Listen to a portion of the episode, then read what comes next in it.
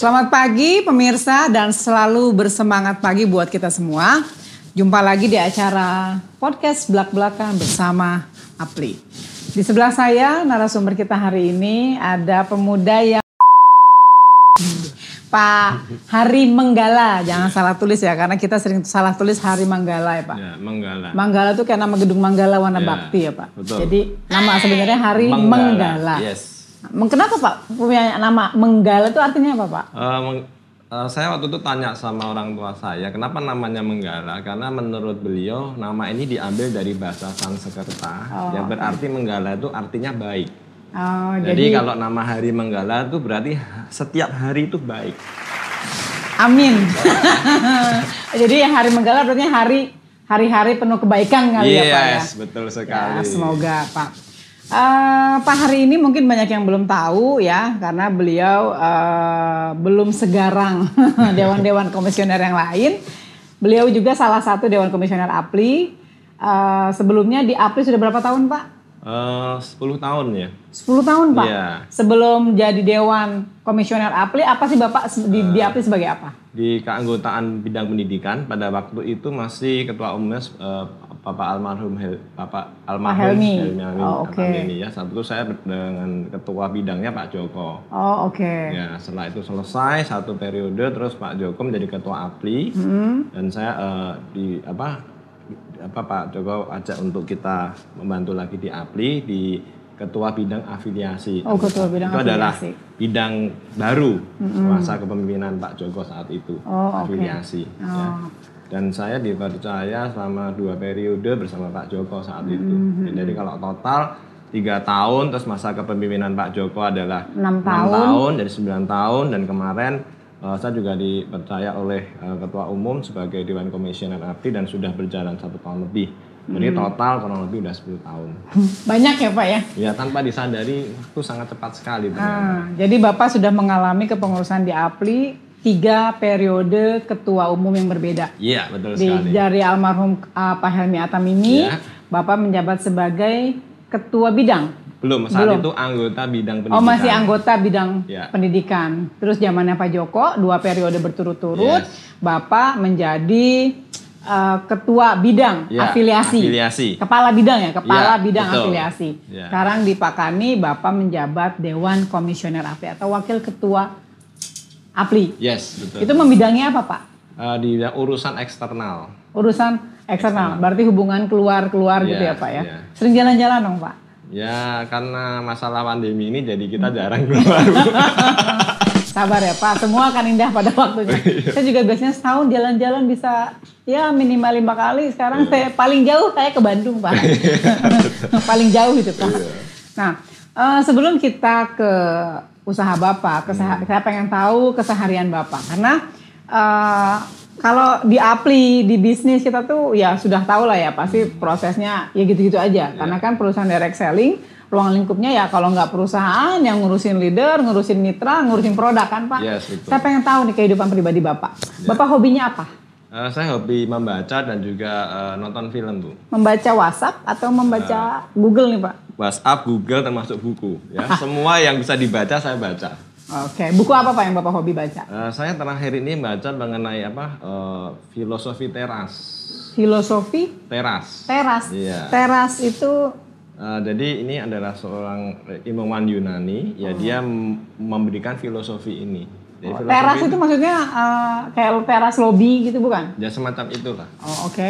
Ya, apa? Kenapa Bapak tertarik eh, filosofi teras? Itu bagus sekali. Jadi selama ini kan orang selalu berpikir bahwa harus sesuatu tuh yang baik, ya maksudnya sesuatu yang uh, luar biasa. Tetapi sometimes kadang kita tuh harus menyadari juga bahwa dalam proses mencapai semua itu ada proses-proses yang mungkin kita harus ada di bawah, ya ada masa-masa susah. Itu kita accept aja dan kita terima. Jadi membuat kita tidak terlalu frustasi dalam menjalani prosesnya. Oh, gitu. Jadi lebih lebih menerima ke bahwa kondisi kenyataan itu seperti itu begitu. Hmm. Ya karena kan kalau beberapa kita lihat kan wah kamu begini dimotivasi seperti ini. Tapi sometimes kalau kita tidak menyadari bahwa proses-proses itu memerlukan waktu dan juga proses itu sometimes juga bisa menyakitkan, kita bisa nggak menerima kondisi itu dan akhirnya kita malah menjadi stres. Mem- Jadi dari hobi Bapak membaca itu banyak manfaat buat pribadi. Ya, Saya juga hobi membaca buku, Pak. Iya. Tapi saya hobi membaca buku tabungan. wah itu saya juga suka. Bu. Apalagi kalau saldonya bagus. Saya senang benar baca buku tabungan saya berulang-ulang gitu kan. Iya, betul. Nah, eh, udah keluarga, Pak? Atau Sudah. baru mulai mencari? Kita sudah berkeluarga, Bu. Oh, sudah kebetulan berkeluarga. sudah laku ya. Oh, sudah laku. Udah berapa, Pak, istri? Eh, is- eh, dua, anaknya. Oh, tapi anaknya ya, dua. Bukan istrinya dua. Oh, istri- anaknya dua, istrinya satu saja. Bu. Oh, oke. Kenapa Pak istri kenapa istri cuma satu? Ini gimana sih pertanyaannya kenapa cuma satu kalau ditonton sama ibu-ibu repot ya nanti Iya. kan. Bagi waktunya gimana Pak? Bagi waktu ya kegiatan apli, Iya. kemudian kantor, kemudian keluarga. Ya, Bagi jadi waktu gimana Pak? eh, kita kalau dalam kegiatan kita yang dalam industri direct selling ini terus terang aja waktu kita itu bekerja sometimes tidak ada waktu yang fix. Ya, sometimes kita tuh malam pun juga kalau ada eh, mitra usaha yang calling atau menanyakan segala sesuatu kita harus memberikan fast respon. Ya, sometimes itu juga menyita waktu. Ya, tetapi saya punya komitmen bahwa kalau waktu memang ada waktu senggang dan ada waktu yang memang itu kita tetapkan. Contohnya mungkin di hari Minggu, contohnya ya dari jam sekian sampai jam sekian saya akan benar-benar me- me- meluangkan waktu itu untuk keluarga. Oh, Ya meskipun kita tidak banyak waktu, tapi kita coba untuk memberikan quality time hmm, untuk mereka. Gitu. oke. Ya. Pernah komplain nggak Pak dari nyonya dengan kesibukan Bapak? Ya. Misalnya malam-malam tadi kan Bapak bilang mitra masih ada yang telepon gitu kan? Pastinya ada, ya karena uh, udah malam kok masih jawab-jawab WhatsApp, ada apa gerangan ya kan. Cemburu gitu Pak, cemburu? Eh, kalau cemburu so far enggak ya, karena saya sudah menjelaskan dari awal bahwa apa, pekerjaan ini ada seperti ini. Ah. Gitu. Sometimes kita ada fast respon meskipun malam pun, sometimes kita harus segera memberikan jawaban. Hmm. Ya, mungkin nyonya karir juga Pak, sehingga mungkin lebih mudah menerima keadaan Bapak yang kerjanya, jam kerjanya nggak jelas. Ya istri saya kebetulan orang yang cukup mandiri ya bu ya. Oh, oke. Jadi eh, cukup mengerti kondisi apa pekerjaan suaminya begitu. Anak-anak kalau liburan Bapak misalnya harus kerja ketemu leader gitu, ada komplain Pak? Eh, is okay karena juga saya sudah memberikan pengertian bahwa mungkin saat ini libur saya nggak bisa temenin tapi nanti suatu hari umpamanya papa ada waktu kita akan luangkan waktu untuk kita sama-sama. Oh oke. Usia berapa Pak anaknya? Anak saya yang terbesar usia 13 tahun, ya yang kecil tahun ini 10 tahun. Oh oke, jadi sudah lumayan mengerti dan mereka sudah bisa punya kehidupan sendiri mungkin ya Pak, Iya. bisa main sendiri maksudnya. Iya. Nah, sekarang saya pengen tahu ini di depan saya ada banyak produk nih, Pak. Nah, Paito Green, Orange, kemudian ada produk eh, Opira kolagen, suplemen makanan dan lain-lainnya ya. Ya. Kalau yang di tengah itu bukan produk Bapak ya, itu produknya Apli ya, hand sanitizer ya, Pak ya. Oke. Ini eh, Bapak di PT PHHP pemasaran. Kenapa sih namanya PT PHHP pemasaran kok nggak PT apa gitu yang keren? Abadi Jaya atau PT apa gitu kan? Iya. Ini PT PHHP pemasaran. Eh, karena PHP, PHHP itu ada sebenarnya singkatan. Oh. Jadi singkatan dari People Happily Helping People. People Happily happily Helping helping People. Jadi Artinya? kalau bahasa Indonesianya kita akan mengatakan bahwa ma- bisnis manusia berbahagia membantu sesamanya. bisnis bahagia. Manusia berbahagia Hmm. membantu sesamanya. Oh, jadi PHHP itu sebenarnya Singkatan singkatan dari itu ya. tadi. Ya dan ini menunjukkan industri yang kita sedang jalanin sebetulnya. Oh, Karena dalam oke. industri MLM atau network marketing ini eh, kita harus saling membantu. Oh, dan pada oke. waktu kita bisa saling membantu dan kita eh, bisa membantu orang untuk hidupnya lebih baik, otomatis kita tuh menjadi gembira sebetulnya. Jadi PT PHHP ada lagi pemasaran. Ya, pemasaran. Jadi memang di akte perusahaannya begitu ya? Iya, pemasaran PHHP adalah pemasaran. di bidang kita kebetulan kan marketing gitu. Oh gitu, nggak mau rugi ya Pak namanya bidang yang marketing, nama perusahaannya pun harus ada pemasarannya. Iya, betul. Luar biasa. Saya nggak nanya, nggak mau nanya Pak itu ide nama dari siapa? Saya Iya. nggak nggak mau nanya juga gitu. Itu perusahaan lokal Nah, atau? perusahaan kami adalah base kita dari Malaysia, Bu. Oh Malaysia. Malaysia. namanya MLM ya Pak. Iya. Malaysia lagi, Malaysia lagi.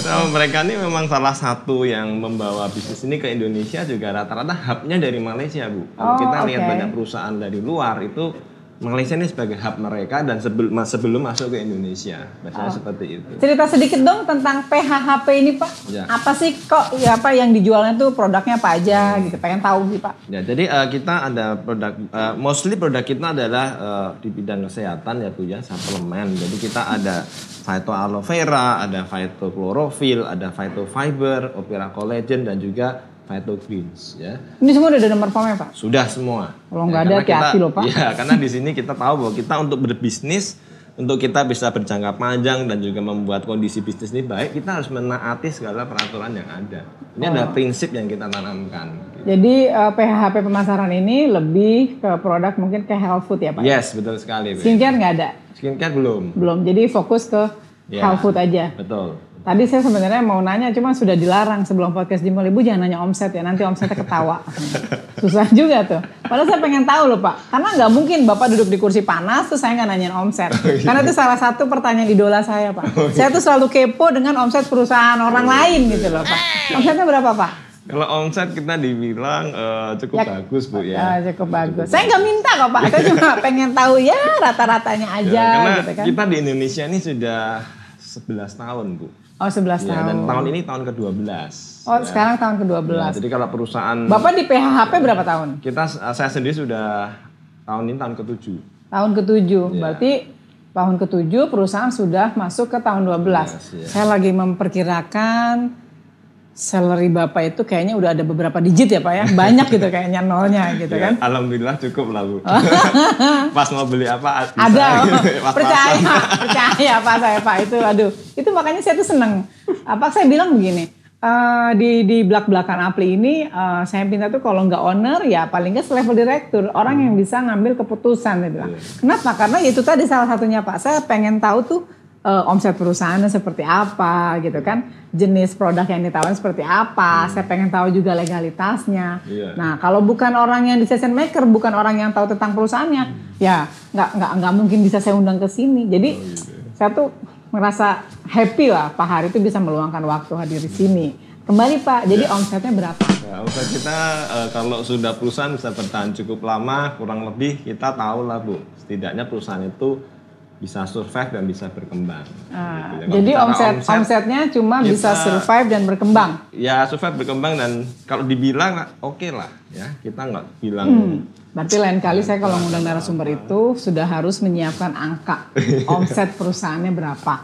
Sekarang karyawan berapa Pak memangnya Pak? Eh, kita total ada 9 Sembilan di kantor pusat Pak. Iya. Punya Kantor stokis ya dan banyak. Ada, cab- ada cabang ya. Oh, ada Di cabang. Medan ada. Oh oke.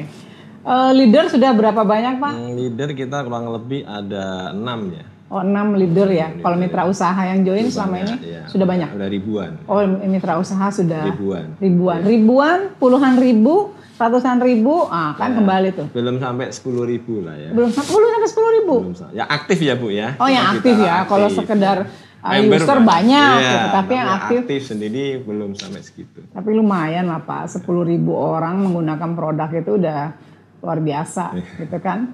Ya. eh, kalau pertemuan leader-leader gitu, apakah Bapak handle sendiri atau ada apa eh, karyawan Bapak yang handle buat apa eh, ke leader untuk bicara langsung, mungkin dengar curhatan leader seperti apa? Kita ada staff ya Bu ya, staff untuk apa? Staff untuk distributor relationship lah. Ya, jadi kita di sini uh, mereka yang akan menghandle langsung kepada apa uh, mitra usaha. Tapi khususnya kalau untuk leader-leader biasanya saya menghandle secara langsung begitu. Hmm. Itu leadernya banyak perempuan apa laki-laki Pak? Uh, kita 90% perempuan. Nah, Ya, 90 sama ya Pak, seperti perusahaan lain rata-rata 90% perempuan. Dan rata-rata ibu rumah tangga. Dan rata-rata ibu rumah Iya, tangga. betul. Berarti Bapak lebih di handphone Bapak itu berarti lebih banyak list perempuan nama perempuan ya Pak ya? Saya baru sadar nih sekarang ibu ngomong betul juga. Itu Bapak cek. Tapi nggak ada kan Pak ibaratnya namanya eh, Sari ditulisnya Santo gitu kan. Yuni ditulisnya Yanto gitu kan Enggak. buat kamu pelase. Itu bahaya bu, nanti suatu saat bisa kelupaan. Nah. jangan jangan.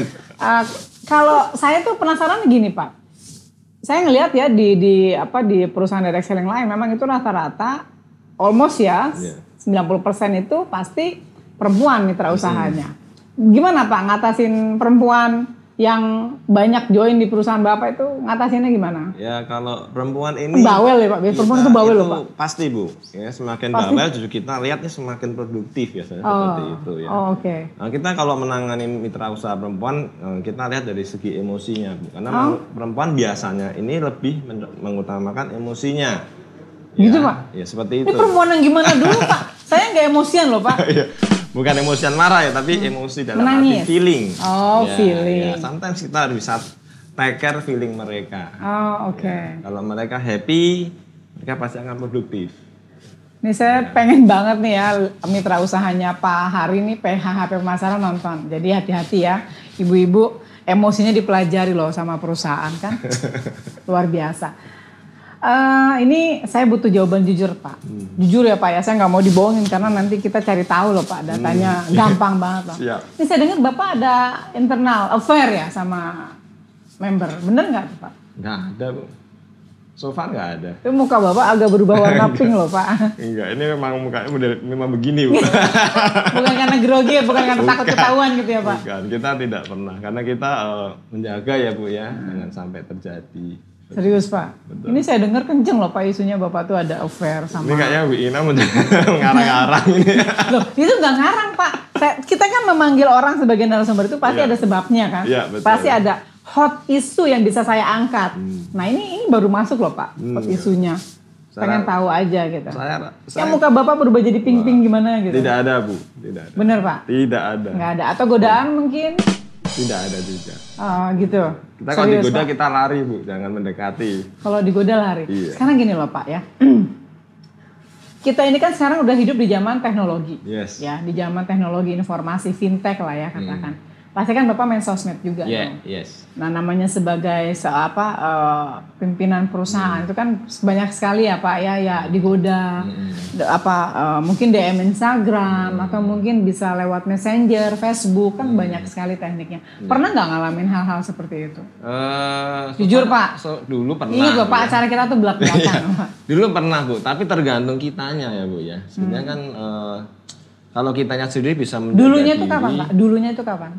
Ya, saya udah lupa lah ya. Dulu sempat ada, cuman waktu itu kita, yang penting itu kitanya bu. Kalau kita nggak meresponi, ya itu ya akan stop sendiri. Oh gitu. Itu Jadi dari, kita- dari mitra ya? Apa dari mitra mitra PHP Eh, atau orang lain? ya orang lain lah ya. Oh, orang lain. Kalau mitra sih memang dari awal memang saya mencoba apa bukan mencoba ya memang punya prinsip bahwa kita tidak boleh apa eh, terlibat dalam hubungan yang lebih lanjut. Jadi- oh, lebih lanjut nggak boleh. Tapi Boleh. kalau nggak lebih lanjut juga nggak apa-apa gitu. Sebatas bisnis dan juga edukasi cukup. Oh Tapi gitu. jangan lebih dari itu.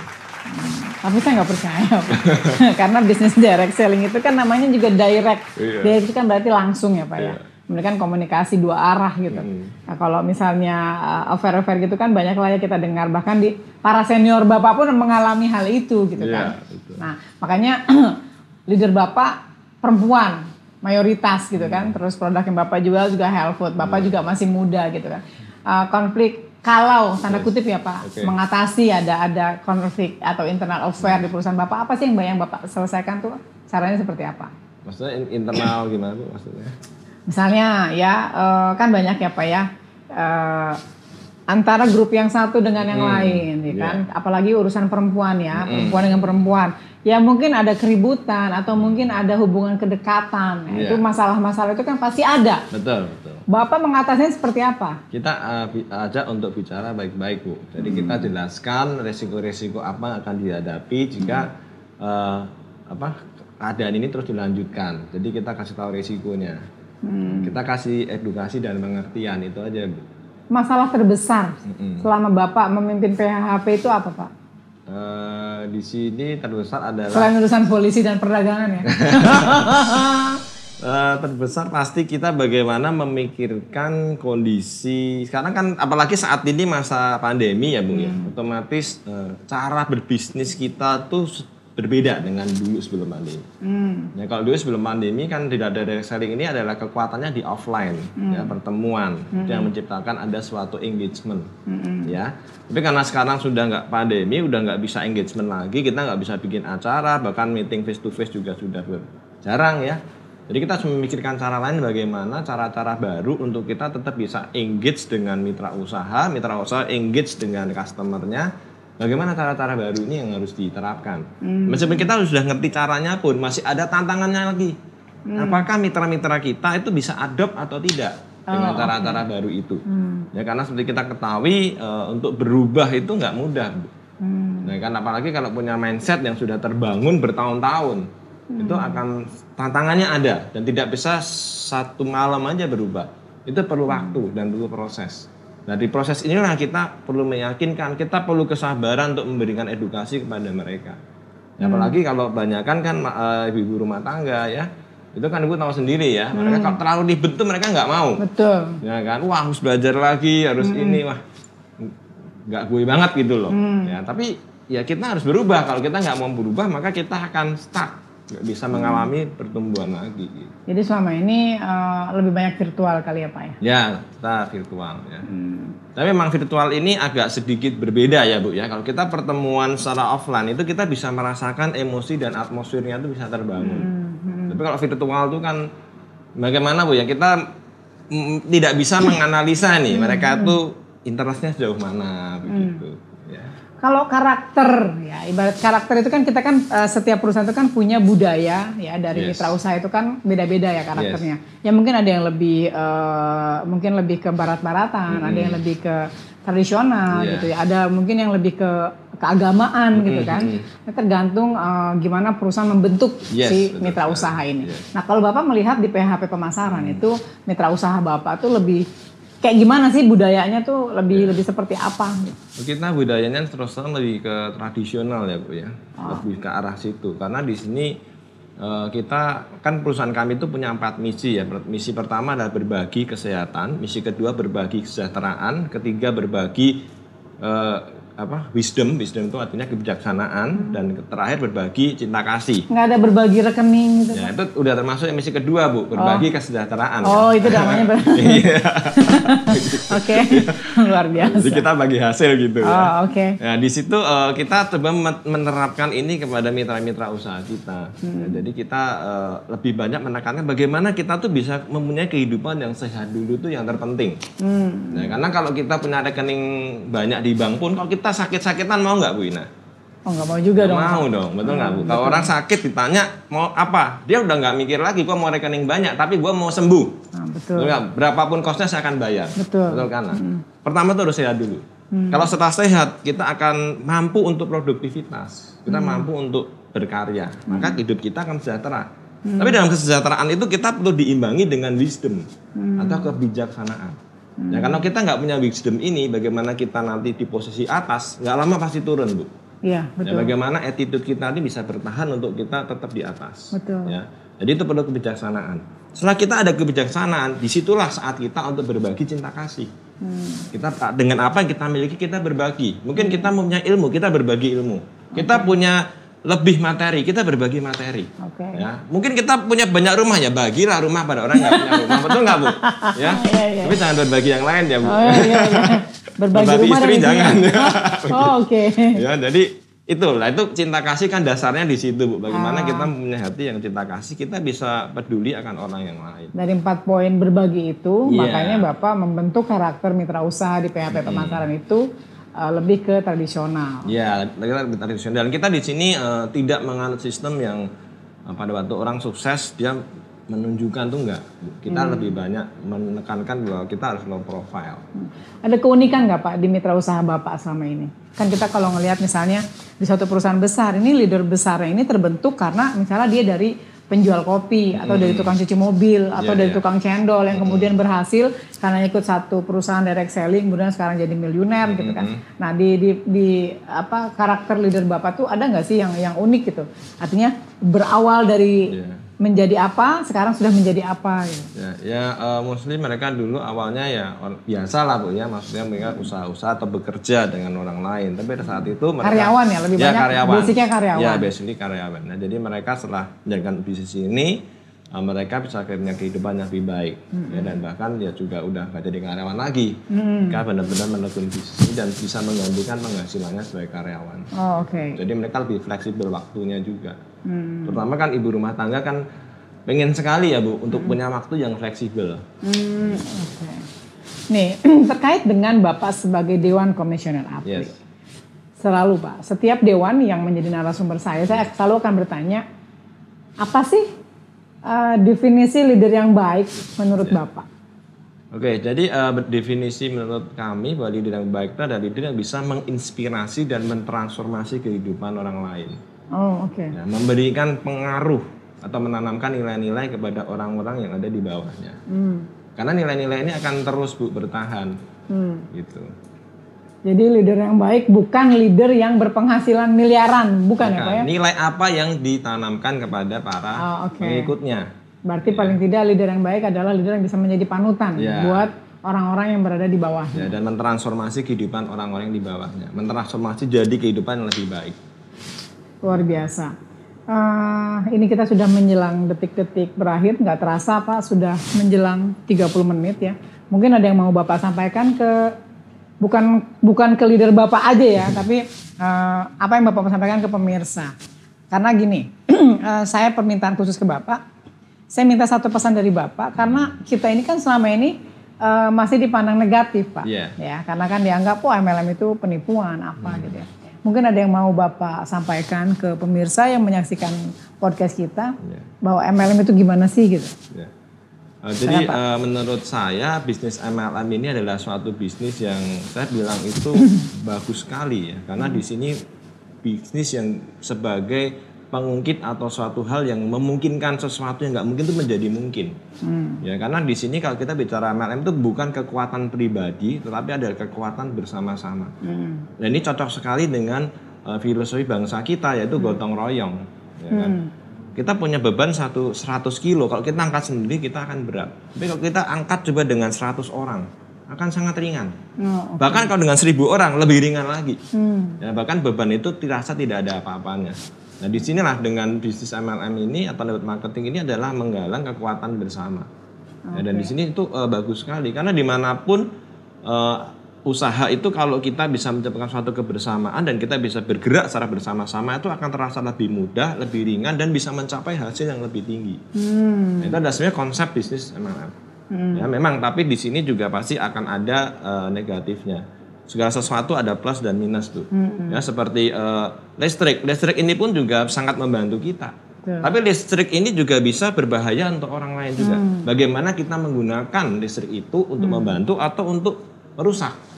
Bisnis ini pun juga sama. Dan bisnis MLM dengan dengan apa sistem jaringan ini itu sebenarnya bisa membantu orang juga. Tapi juga bisa digunakan untuk merusak juga. Bagaimana kita melihat bisnis ini adalah tergantung kita sendiri. Jadi tergantung ke pola pikir ya, ke- Iya. ke, mindset kita.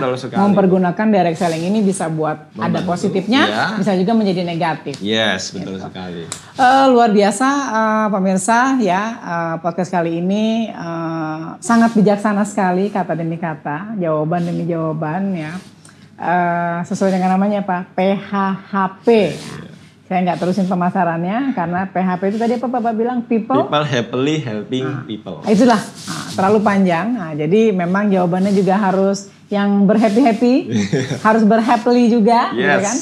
Ah, terima kasih banyak Pak Hari Menggala Ya, atas kasih, waktunya, Bu. Eh, luar biasa. Ah, semoga kelak Bapak akan saya hadirkan kembali di sini bersama dewan-dewan komisioner APRI yang lain.